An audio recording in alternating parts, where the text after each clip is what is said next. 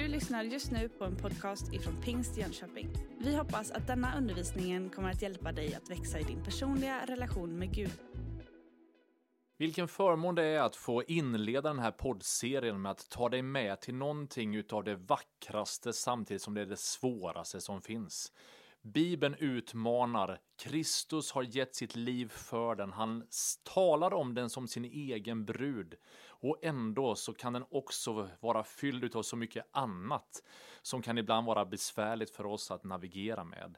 Men vi ska tala om församlingen och någonstans skulle jag önska att under de här minuterna att Gud skulle få utmana, uppmuntra och vägleda oss.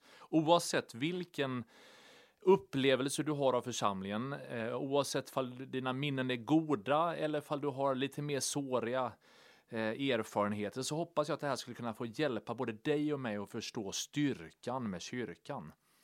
Faktum är att kärt barn har ju många namn och när Bibeln beskriver församlingen så används en rad olika metaforer.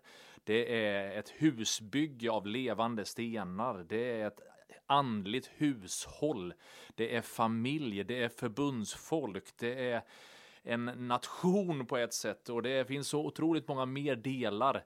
Den vi ska stanna upp mest kring idag är när Bibeln beskriver församlingen som en kropp och utifrån den metaforen försöka dra några viktiga erfarenheter. En kropp gestaltar ju livet. Eh, och ibland så är det så lätt att tänka församling som organisation. Eh, det är kommittéer, det är verksamhet, det är projekt. Eh, men en kropp är ju en, mer en, en levande varelse, en organism mer än organisation. Det är relation mer än verksamhet. Det är ett liv som pulserar genom kroppen. Eh, och hela kroppen behöver fungera för att på olika sätt den, liksom varje enskild del både ska, ska må bra och att den ska kunna göra det som den är tänkt att göra. Följ med mig redan till Efesebrevet kapitel 3 så kan vi läsa en majestätisk programförklaring hur Gud har tänkt med församlingen. Där säger Paulus i kapitel 3, vers 16. Jag ber att han i sin härlighetsrikedom ska ge kraft och styrka åt er inre människa genom sin ande.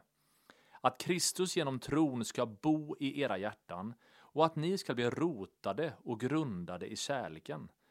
Då ska ni tillsammans med alla de heliga kunna fatta bredden och längden, höjden och djupet och lära känna Kristi kärlek som går långt bortom all kunskap så ska ni bli helt uppfyllda av all Guds fullhet.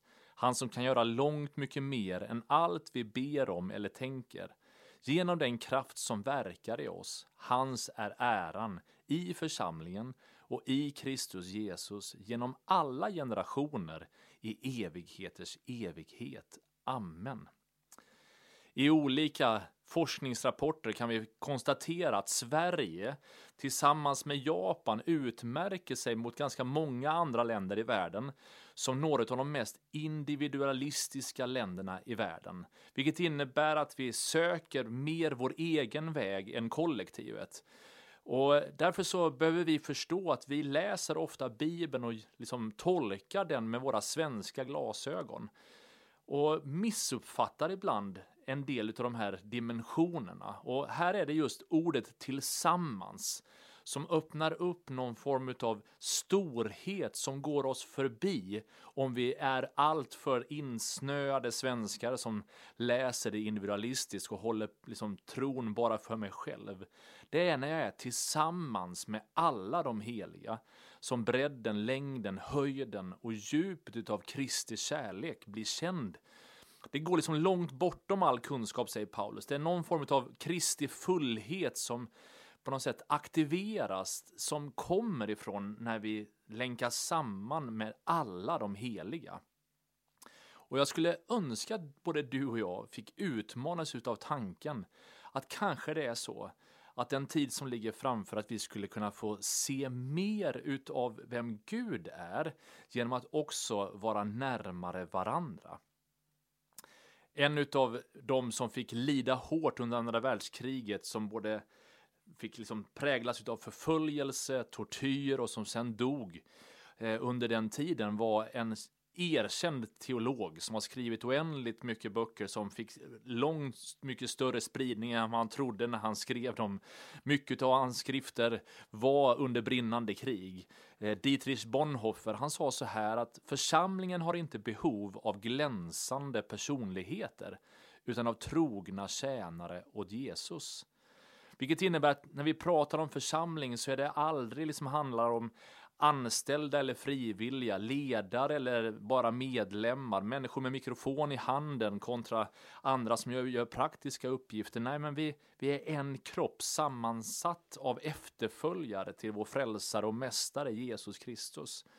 Och när vi förstår att vi är en del av någonting större än oss själva så blir längtan efter varann större och omvårdnaden om varandra självklar.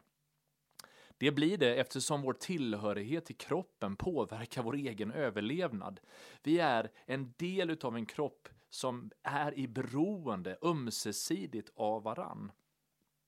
Jag tror också att om vi skulle förstå verkligheten mer av att tillhöra Kristi kropp så tror jag också att vi vitaliseras i vårt gudstjänstfirande. Livet i nära relationer, i smågruppsgemenskap eller omsorgen om varann och till och med bönen för och med varann blir annorlunda om vi förstår att det är tillsammans med alla de heliga som vi lär känna Kristi kärlek och blir helt uppfyllda av Guds fullhet. Och styrkan med kyrkan liksom på något sätt sammanfattas ju med verkligheten ytterst att den har med Gud att göra. Det är hans kropp. Det är han som fogar samman lemmar varandra till tjänst som gör att både du och jag på lite olika sätt kan få vara med. Paulus han undervisade även i Romarbrevets tolfte kapitel så här. I inledningen säger han, därför uppmanar jag er bröder vid Guds barmhärtighet att frambära era kroppar som ett levande och heligt offer som behagar Gud, er andliga gudstjänst och anpassa er inte efter den här världen utan låt er förvandlas genom förnyelsen av ert sinne så att ni kan pröva vad som är Guds vilja, det som är gott och fullkomligt och behagar honom. Här utmanar Paulus oss till att förstå att gudstjänst, församlingsliv, är inte ett passivt deltagande där jag liksom signar upp mig på en lista, utan det handlar om en personlig överlåtelse, främst till Kristus, att jag frambär min kropp, allt det jag är, allt det jag har, allt det jag kan, allt det jag vill. Jag lägger allt det jag på något sätt definieras utav eh, som ett levande och heligt offer. Och så får det på något sätt behaga Gud, det får Gud att le. Det verkar som att Gud njuter utav när vi ställer oss till hans förfogande, när vi säger här är jag, jag vill vara tillsammans med dig. Och det finns en kraft i den där överlåtelsen. Bibeln talar om en vetekornets lag som säger att om vetekornet inte faller i jorden och dör förblir det ett ensamt korn, men om det dör bär det rik frukt. På samma sätt som att frambära sig själv som ett offer, att ge på något sätt sig själv till Gud kan låta som att jag förlorar allt, så blir att mista att vinna istället. Det är någonting som multipliceras när jag frambär mig själv inför Gud. Och så säger han, anpassa er inte efter den här världen. Och det här är ju en direkt uppmaning till Guds folk i alla tider att bevara saltet salt, att se till att ljuset blir ljus.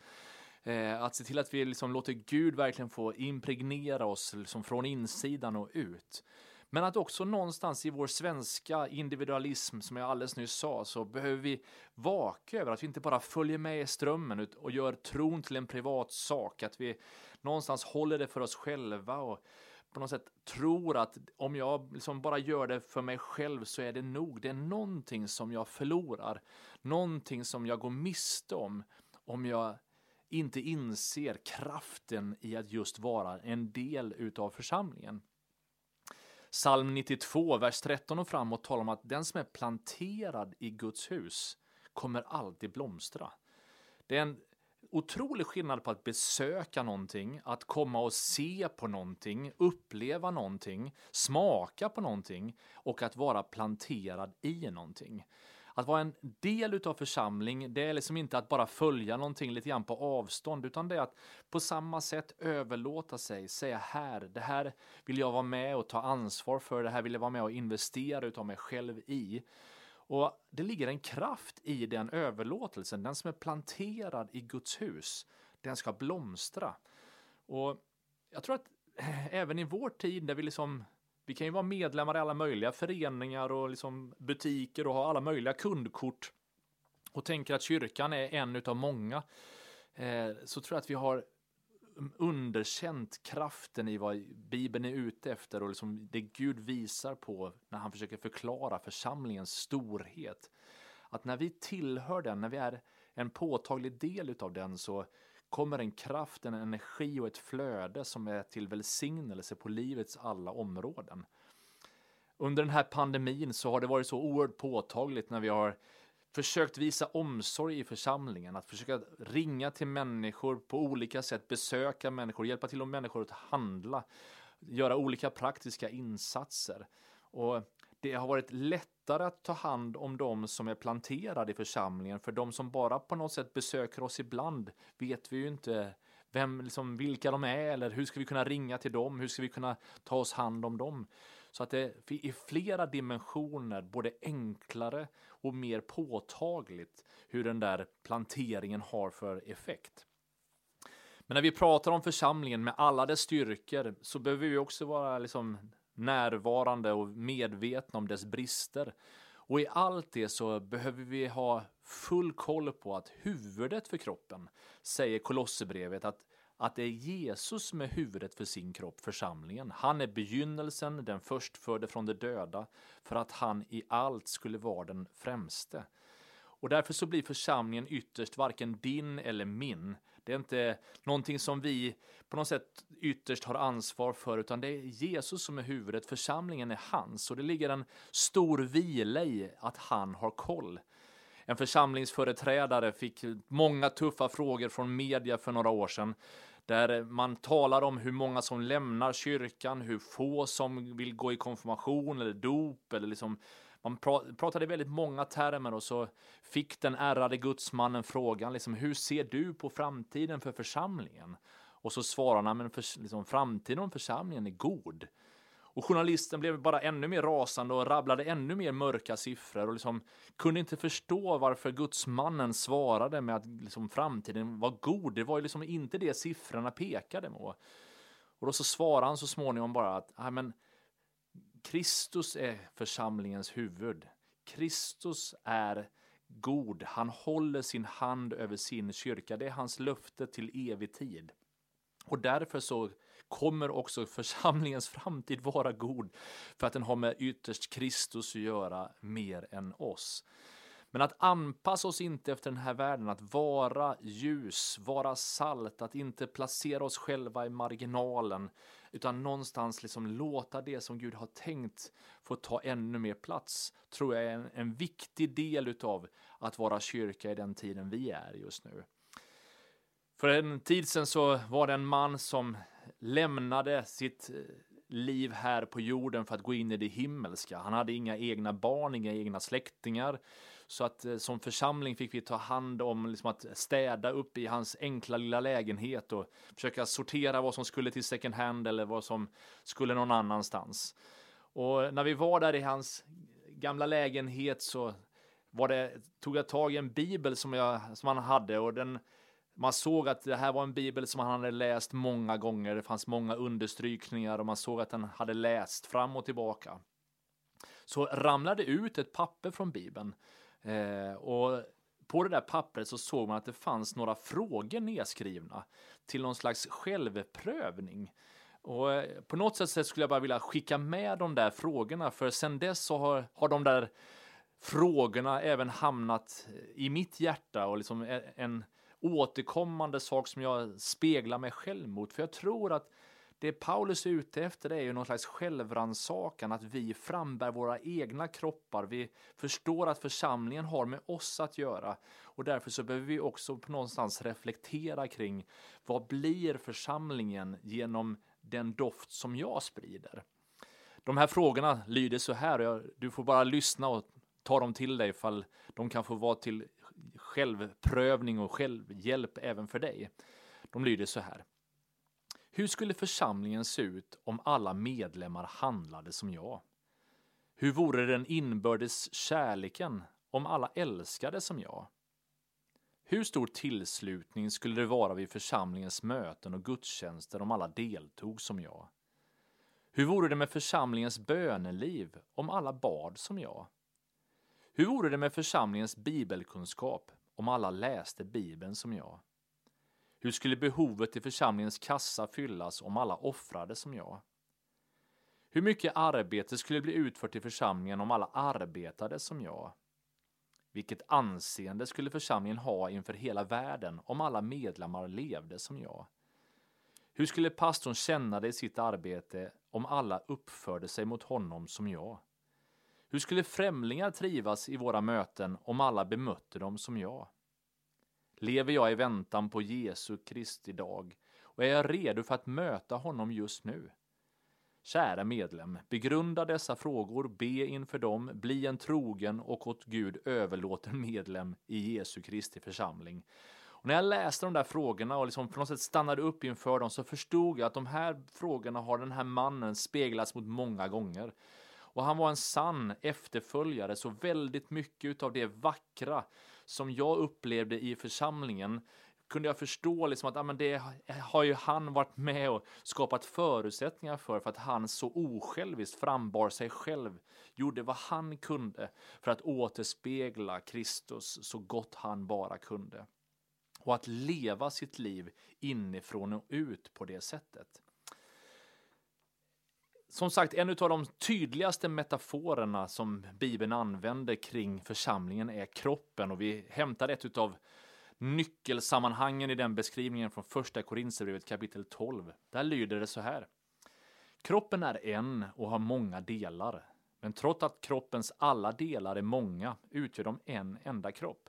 Så är det också med Kristus. I en och samma ande är vi alla döpta för att höra till en och samma kropp, vare sig vi är judar eller greker, slavar eller fria. Och vi har alla fått en och samma ande utgjuten över oss. Kroppen består ju inte av en enda kroppsdel utan av många. Om foten sa jag är inte hand så hör jag inte till kroppen, så hör den ändå till kroppen. Och om örat sa jag är inte öga så jag hör inte till kroppen, så hör den ändå till kroppen. Om hela kroppen vore öga, var fanns då hörseln? Om allt vore hörsel, var fanns då luktsinnet? Men nu har Gud satt samman delarna i kroppen, var och en av dem, så som han ville. Om alla vore en kroppsdel, vad vore då kroppen?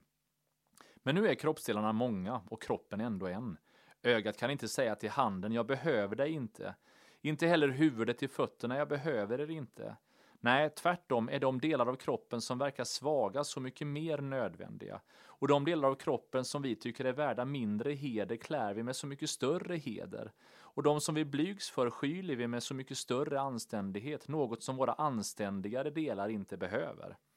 Men Gud har satt samman kroppen och gett de ringare delarna större heder, för att det inte ska bli splittring i kroppen, utan att delarna istället ska ha samma omsorg om varann. Om en kroppsdel lider, så lider alla de andra delarna med den. Om en kroppsdel blir ärad, gläder sig alla de andra delarna med den. Ni är alltså Kristi kropp och var för sig delar av den. Tänk om du och jag kunde förstå att mångfalden är en styrka. Om vi verkligen kunde förstå hur målmedvetet Gud har gett olika kroppsdelar dess funktioner, ansvar och samhörighet så skulle vi inte stressa så mycket av våra olikheter utan ännu mer glädjas över och med varandra. Jag tror att den här texten hjälper oss att avslöja jämförelsens förbannelse. Och jag vill bara understryka, du hör hemma här. Vi läste att foten säger liksom, jag är inte en hand så jag hör inte till kroppen, eller jag är inte ett öga så jag hör inte till kroppen. Det är så lätt att man kan känna sig annorlunda, man passar inte in, man ser på alla andra och tänker liksom att men den är si och den är så, och jag är annorlunda. Och så drar man sig undan. Men faktum är att det borde vara precis tvärtom. Du vet, en kropp som skulle ha många händer blir ett monster. En kropp med många fötter skulle inte se så trevlig ut. Utan vi behöver inse att våra olikheter är en Guds design. Du är skapad unik och i våran församling så får du komma precis som du är. Du hör hemma här. Sluta spegla dig och jämföra dig med vad alla andra är och alla andra gör och istället inse hur vackert Gud har skapat oss alla. Dålig självkänsla, lågt självförtroende, det gror snabbt när foten försöker jämföra sig med handens precision. Istället för att härma alla andra, inse det unika bidrag som du gör. Och om du kommer till våran församling och känner att, ja men åh, jag passar inte in här, jag är lite annorlunda, då behövs du mer än någonsin. För det är någonting som går förlorat i Guds storhet och Guds fullhet när vi i längden, bredden, höjden och djupet blir för smala. Det finns någonting väldigt vackert om vi kunde förstå att vi får vara de vi är. Men det finns också en betydelse i det här att någonstans förstå att det är inte ett solorace. Jag behöver dig. Det är inte bara att jag får vara här, utan, eller du får vara här, utan du, jag, jag behöver att du är här och du behöver att jag är här. Vi läste att ögat kan inte säga till handen, jag behöver dig inte, eller huvudet till fötterna, jag behöver det inte. Nej, det finns en dynamik inom kroppen som det vore både dumdristiskt och faktiskt obibliskt att tro att man kan klara sig utan. Om vi tar metaforen till sin gräns så förstår vi att det finns inte en enda kroppsdel som skulle överleva särskilt länge om den kapades från vår kropp. Det är inte många sekunder som en doktor har på sig att någonstans sätta tillbaka kroppsdelen som har slitits av innan den på något sätt blir overksam. Och på samma sätt så tror jag att vi lätt kan luras till att tänka att jag klarar mig på egen hand. Jag behöver liksom inte massa andra människor. Jag kan vara kristen liksom bara hemma själv ensam. Jag behöver inte liksom vara med i någon församling. Och det där är lögner som bara för oss vilse. Tillsammans med alla de heliga förmår vi fatta höjden, bredden och djupet. Om vi är en kropp som finns till för varann så är det någonting som vi förlorar som har, kan ha ödesdigra konsekvenser för evigheten om vi inte tar tillvara på. Och på ett sätt så är det också logiskt att förstå att om jag är en hand så behöver jag resten av armen för att kunna fungera i min funktion. Och därför så blir ju eh, på något sätt min omsorg om resten av kroppen viktig. Både av ren empati och barmhärtighet men också för min egen skull. Att vi, vi hjälper varann och håller varandra i trim för att på olika sätt göra det som Gud har tänkt för oss. Och i allt detta så har Gud själv fogat samman och gjort det möjligt för oss att vara just våra unika bidrag. Efesierbrevet fortsätter i kapitel 4 och talar om att vi ska bygga upp Kristi kropp tills alla når fram till enheten i tron och i kunskapen om Guds son. Och så fortsätter han att på alla sätt ska vi växa upp till honom som är huvudet, Kristus. Av honom fogas hela kroppen samman och hålls ihop genom det stöd som varje led ger. Med den kraft som är fördelad åt varje enskild del. Så får kroppen sin tillväxt och bygger upp sig själv i kärlek. Och jag tycker det här är så vackert hur Gud fogar samman hela sin kropp. Det hålls ihop genom det stöd som vi ger till varandra, men det är han som fogar samman det. Så det bästa sättet för att en församling ska få leva i liksom harmoni med varandra, det är en församling som söker Gud tillsammans, som säger bara Gud, jag vill bara överlåta mig till dig. Jag frambär mig själv som ett som heligt offer till dig och när vi närmar oss Gud så närmar han sig oss. Och ju mer centrerade vi är kring Jesus, ju närmare kommer vi också varann. Jag vill bara uppmuntra dig att fortsätta att vara en aktiv del utav gemenskapen i församlingen och så söker vi Kristus tillsammans för att någonstans komma både varandra och Herren närmare. Metaforerna fortsätter genom Bibeln. Vi skulle kunna stanna upp kring många olika delar kring hur byggnationen, det som är arken, de levande stenarna som på olika sätt tillför massa saker. Men jag skulle bara vilja avslutningsvis ta det med till Paulus i första Korinthierbrevet som säger att vi är Guds medarbetare och ni är en Guds åker, en Guds byggnad. Efter den nåd som Gud gav mig har jag som en kunnig byggmästare lagt grunden och en annan bygger nu på den. Men var och en bör se till hur han bygger. Till någon annan grund kan ingen annan lägga än den som är lagd, Kristus Jesus. Och jag tror att vi, när vi bygger församling, när vi ska kliva närmare liksom Kristus, så behöver vi se till så att grunden blir rätt. Vi är ett av de där tillfällena i historien så var Sverige i någon slags stormaktsvansinne och skulle liksom bräcka alla andra liksom världens projekt genom att bygga ett jättestort stridsskepp, regalskeppet Vasa, med pompa och ståt, vackert och storslaget, välutrustat med många kanoner, så liksom tog man några, liksom, började man hissa seglen ut från, från hamnen. Men det krävdes inte så mycket när man kom utanför hamnen för en liten lätt sjöbris att få detta gigantiska skepp att kantra, för båten var för hög över vattnet i förhållande till kölen under vattnet. Och när vi pratar om församling så är det så lätt att prata om vilka sånger vi sjunger, hur det ser ut i kyrkan, vilka aktiviteter vi har och vad vi gör på massa olika sätt. Men den viktigaste sidan av församlingen är det som byggs upp i en nära, intim relation till Kristus. Där vi lever våra liv i bön, där vi söker hans ansikte. Där de andliga rutinerna inte bara finns där som någonting som vi ska göra, utan det finns en passionerad längtan efter att bara få umgås med Kristus. Och när vi bygger den grunden rätt så kommer vi också få hjälp att navigera i allt det där andra som handlar om att göra och skapa förutsättningar för det som är på Guds hjärta. Det finns många svagheter av att vara kyrka. Det är inte allt som är enkelt. Och vi behöver förstå att den här skatten som vi har, har vi lerkärl, som Paulus skriver i andra Korinthierbrevet, för att den väldiga kraften ska vara Guds och inte komma från oss. Och låt den här undervisningen bara få fortsätta och betjäna dig.